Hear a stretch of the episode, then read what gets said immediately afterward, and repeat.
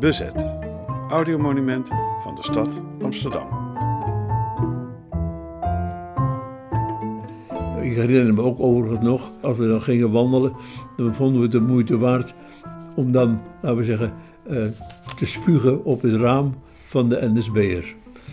Dat, eh, en zoals we ook, als we in de kerk waren, er was s'avonds nog lof, lof zoals het heette. En ja, maakten we dan van papieren guldens, maakten we daar een W van. En dat vonden we dan een soort verzet. Dat we dan met zo'n W in een schaal gooiden. Dat vond je, eh, ja, je was altijd eigenlijk een beetje bezig om verzet te plegen, zou ik maar zeggen.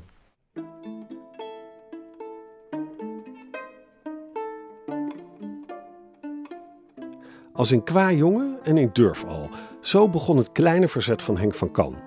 Henk, geboren op 21 april 1928, is als wij hem spreken een broze negentiger. Hij zit in zijn huiskamer in Nijmegen op een stoel en sluit regelmatig zijn ogen. Hij laat dan een lange stilte vallen. Zijn handen friemelen onrustig met de papieren op zijn schoot. Daar staat het toch allemaal in? Tijdens die stiltes reist Henk in zijn eigen geheugen en begint even later, bedachtzaam, maar precies, zijn verhaal. Henk werd geboren in een gezin van zes kinderen. Vijf jongens en één meisje. Ze woonden in de Baarsjes, op de Franklinstraat nummer 41 1 hoog. Zijn vader Jan werkte bij ramenfabriek Spaan. Hij was trots op zijn werk. Als Henk met zijn vader door de stad reed, wees hij de ramen aan die hij had gemaakt, zoals die van de Bijenkorf. Terwijl vader Jan werkte, gingen Henk en zijn broers naar school en struinden ze door de baarsjes. Ik herinner me uh, het vroor, de gracht. Want we woonden vlakbij een gracht, de Admiralengracht. En ik vond het de moeite waard of leuk om eventjes uh, voelen hoe, hoe, zwaar, uh, hoe dik het ijs was. Dus ik ging er natuurlijk met mijn voeten doorheen. En de kinderen die renden dan naar huis. Henk is in het water gevallen. Daar schrik je moeder natuurlijk van, want die denkt, wat is aan de hand? Maar toen bleek eigenlijk dat het niet erger was als dat mijn schoenen wat lat geworden waren enzovoort. Een beetje ondeugend op straat, maar verder was de familie van Kan een keurige Rooms-Katholieke familie. Die regelmatig ter kerke ging en waarvan de jongens in het kerkkoor zongen. Vader Jan was voor de oorlog op een gegeven moment betrokken geraakt bij de katholieke vakbond en ging daar later ook voor werken. In 1939 zou hij naar Rotterdam overgeplaatst worden. Maar de oorlog gooide roet in het eten. Zo erg zelfs dat vakbonden door de Duitsers verboden werden en Jan zijn baan kwijtraakte. In maart 1942 ging hij voor de voedselbonnendistributie werken. Een gewild baantje, zo vond Wim, de broer van Henk, uit. Mijn broer Wim die bereidde zich voor om naar de MTS te gaan. En meneer Bons was zijn leraar. En toen zei Wim tegen Bons, tegen zijn leraar, omdat ze zaten samen op de tram, dat mijn vader nu uh, op het distributiekantoor werkte. Toen zei Bons dat hij graag met mijn vader kennis wilde maken. toen hebben ze met elkaar gepraat en toen vertelde mijn vader dat hij dus op dat distributiekantoor, dat hij zich dus met uh, het verzamelen van bonkaarten bezig hield. Bond die was al bezig om uh, met bonnen onderduikers te helpen. Hoe, die dat, hoe dat allemaal gegaan is, weet ik niet precies. Maar op een bepaald moment was het zo dat vele bonkaarten bij ons thuis terechtkwamen.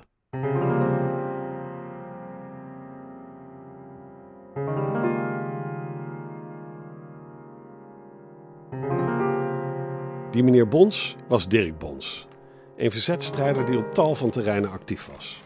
Zo bracht hij onderduikers onder en vervalste hij persoonsbewijzen. Ook was hij betrokken bij de groep 2000 van Jacoba van Tongeren. Nu Jan in het verzet zat, moesten ook Wim, Henk en Rie, de kinderen van Jan, allerlei kleine han- en spandiensten verrichten. Ze knipten bonnen, schreven berichten van Radio Oranje uit en brachten illegale krantjes rond. Op 5 mei 1944 werden in Londen de Binnenlandse Strijdkrachten opgericht. Vanaf dat moment stond het verzet in Nederland officieel ook onder één bewind.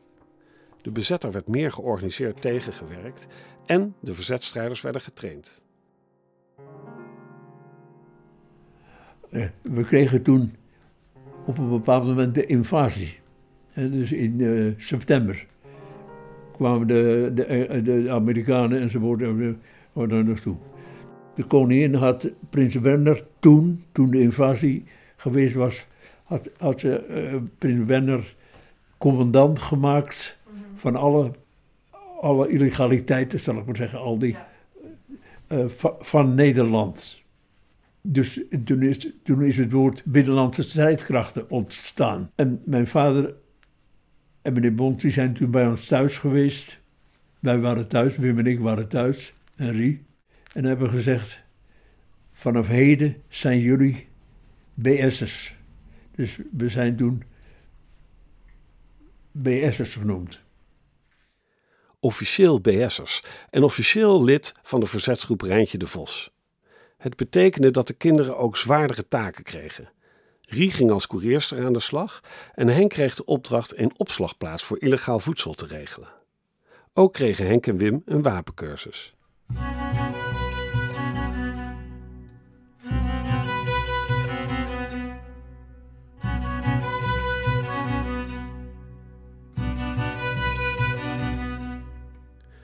De Franklinstraat was inmiddels verworden tot een soort illegaal distributiecentrum van bonnen. Alles ging goed, tot 27 maart 1945, toen vader Jan ging vergaderen op het onderduikadres van Dirk Bons aan de Hendelstraat nummer 1 huis. Mijn zus, die koerierster was, die was over 14, die moest een boodschap overbrengen naar de Hendelstraat, waar die vergadering was. En die zag dat de Duitse petten uh, zasten door de, uh, door de ramen. Die dacht, dan moet ik dus niet op dit moment naar binnen gaan. En die is toen naar huis gekomen. Naar ons huis gekomen waar mijn broer en ik thuis waren. En ze zei wat ze gezien had. En toen besloten mijn broer en ik dat die bonkaarten moesten in ieder geval niet thuis komen te liggen. Dus die moesten elders ondergebracht worden. Mijn broer heeft die uh, bonkaarten toen genomen en heeft ze gebracht bij zijn, de zusters van mijn vader. Dus die zijn daar ondergebracht. En ik heb in overleg met mijn broer besloten uh, om naar de Hendelsraad 41 te gaan, om te kijken of ik daar nog wat doen kon. Henk moest dus razendsnel van de Franklinstraat in West naar de Hendelstraat in Zuid zien te komen. Ondertussen dacht hij aan de lessen die hij bij de BS geleerd had. Als je naar een adres moest en er zat rode verf tegen de gevel, dan was zo'n adres nat, zoals dat heette. Er was dan iets mis. Hij moest dus rode inkt of verf zien te scoren. Ik heb toen, uh, terwijl ik op de fiets die ik geleend had van de slager, uh, ben ik naar de Hendelstraat gegaan via enkele winkels waarbij ik heb geprobeerd rode inkt te krijgen. Dat is op een bepaald moment is dat gelukt. En ik heb toen langs de gevel, uh, langs de stoep gegaan en heb die rode inkt op de vloer gegooid in de hoop dat iemand dat zou bemerken, waardoor de, dat het nat was.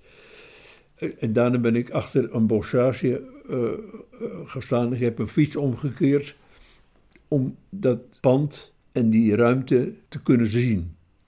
Er kwamen toen twee mensen aan fietsen. Eentje bleef op, op de stoep staan en de ander, die had de rode inkt niet gezien, belde aan, werd dus gepakt en gearresteerd. Ik had de man die met hem uh, uh, nog op de stoep stond, Willy Bult heet hij. Ik zei: Willy, Willy, het is nat. Dus we zijn beide zijn we weggereden. Het was gevaarlijk geworden en Henk en Wim moesten zo snel mogelijk onderduiken. De eerste nacht konden ze nog terecht bij meneer Hardorf, de directeur van het distributiekantoor. Maar daar konden ze niet blijven. Een dag later gingen ze naar de Koninginnenweg. Daar kregen ze te horen dat ze zich de volgende dag om twee uur op de Looierstraat moesten melden. Wij kwamen daar om twee uur, Wim en ik, belden aan. De deur werd open gedaan en achter de deur stond iemand met een wapen. U wordt verwacht. Gaat u maar naar boven, eerste etage, tweede deur links. Wij gingen naar boven. Overigens waren die mannen die dit tegen ons zeiden, die waren ook gewapend.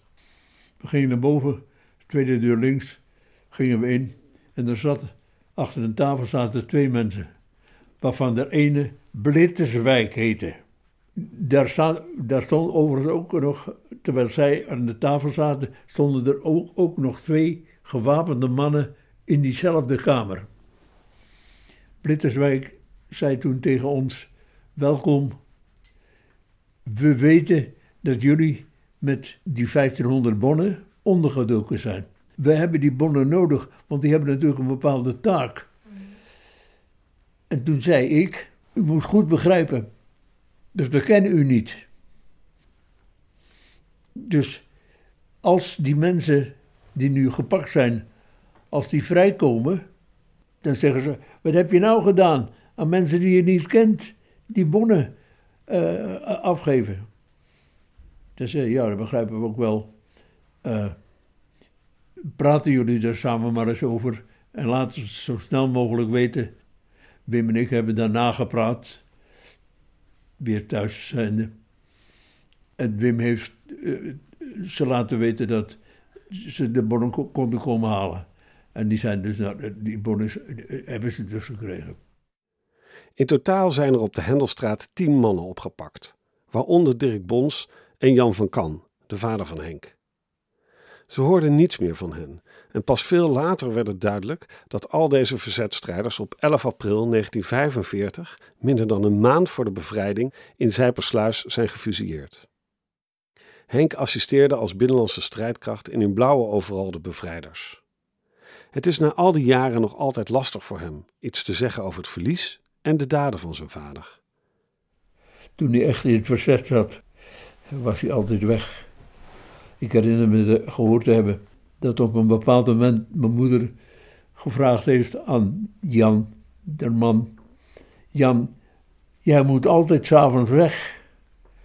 En toen zei ja, Jan, denk maar eraan dat je me voorlopig altijd bezig ziet zijn. Overigens is hij op dezelfde, de volgende dag is hij gearresteerd. Dus het leek erop dat hij aanvoelde dat het niet goed met hem zou gaan. Hij was een geweldige vader. Gisteren vroeg mijn andere dochter, was je trots op je vader? Ik moest er even nadenken. Jawel. Jawel.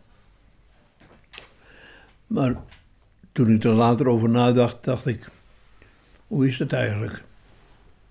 Toen hij dus tijdens die verhoren en later die tocht vanaf de uh, Weteringschans naar Sijpen, wat moet er dan in die mens omgegaan zijn? Zes kinderen hebbend. Daar denk ik wel eens aan. Hij heeft natuurlijk, als je het mij vraagt, honderden, misschien wel duizenden mensen geholpen met het werk wat hij gedaan heeft. Of wat ze gedaan hebben, dat verzet. Maar op het moment dat u dus gefusilleerd wordt, of daarheen moet, naar die plek, dat begreep je dus wel. Als je dus in die auto geladen wordt, het moet een verschrikkelijke gedachte geweest zijn. Eigenlijk. Eigenlijk.